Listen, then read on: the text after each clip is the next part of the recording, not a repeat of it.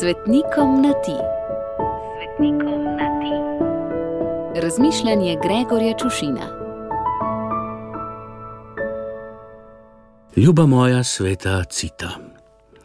Čeprav te dosti krat upodabljajo z rožami v rokah, ti v življenju ni bilo z rožami poslano. In kot je tvoje ime cita, okrajšana oblika imena Felicita, se takole prvi hip in na prvi pogled zdi, da si bila v življenju prikrajšana prav za tisto, kar v latinščini to ime pomeni, torej za srečo.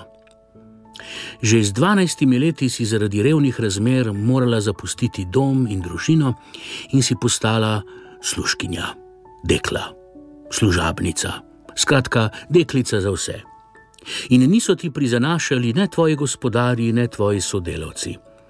Ti pa, zvesta svojemu imenu in Bogu, nisi vračala hudega s hudim, ne krivice s krivico, ampak si ponižno in potrpežljivo prenašala vsa ponižanja, žalitve in napore. Pa ne le to.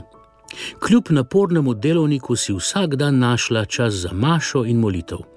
Pravzaprav si dan začela z mašo in molitvijo, ustajala prva in hodila spat zadnja. In ko si tako dolga leta svoje delo in žrtve kot seme sejala v trda, nezorana, s trnim in plevelom zaraščena srca svojih bližnjih, je seme vendarle obrodilo.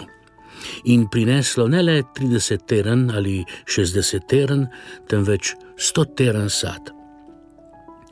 Nam, ki živimo v svetu, ki hlepi po hitrem in lahkem uspehu, po slavi in lagodnem življenju, pričuješ, da so vera, upanje in ljubezen maratonske in ne šprinterske veščine, ter da sta molitev in maša trden temelj, na katerem se gradi, pa čeprav so življenjske okoliščine videti še tako nasprotne in nesrečne.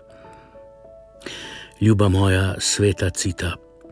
Prav nič čudno ni, da so te za zavetnico vzele dekle, sluškinje, gospodinske pomočnice, strežnice in celo natakari a pravzaprav si zavetnica vsem, ki pošteno in trdo delamo.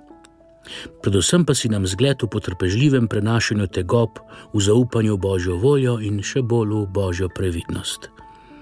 Ubilo žegna za tvoj god. Sedi za slavnostno godovno mizo in pusti si vsaj danes postreči od svojih angelskih in svetniških kolegov in kolegic. Žegen pa deli z nami, kot si svoje čase delila vse, kar si imela z revnimi. Saj smo res reveži v naši vase zagledanosti. Gregor.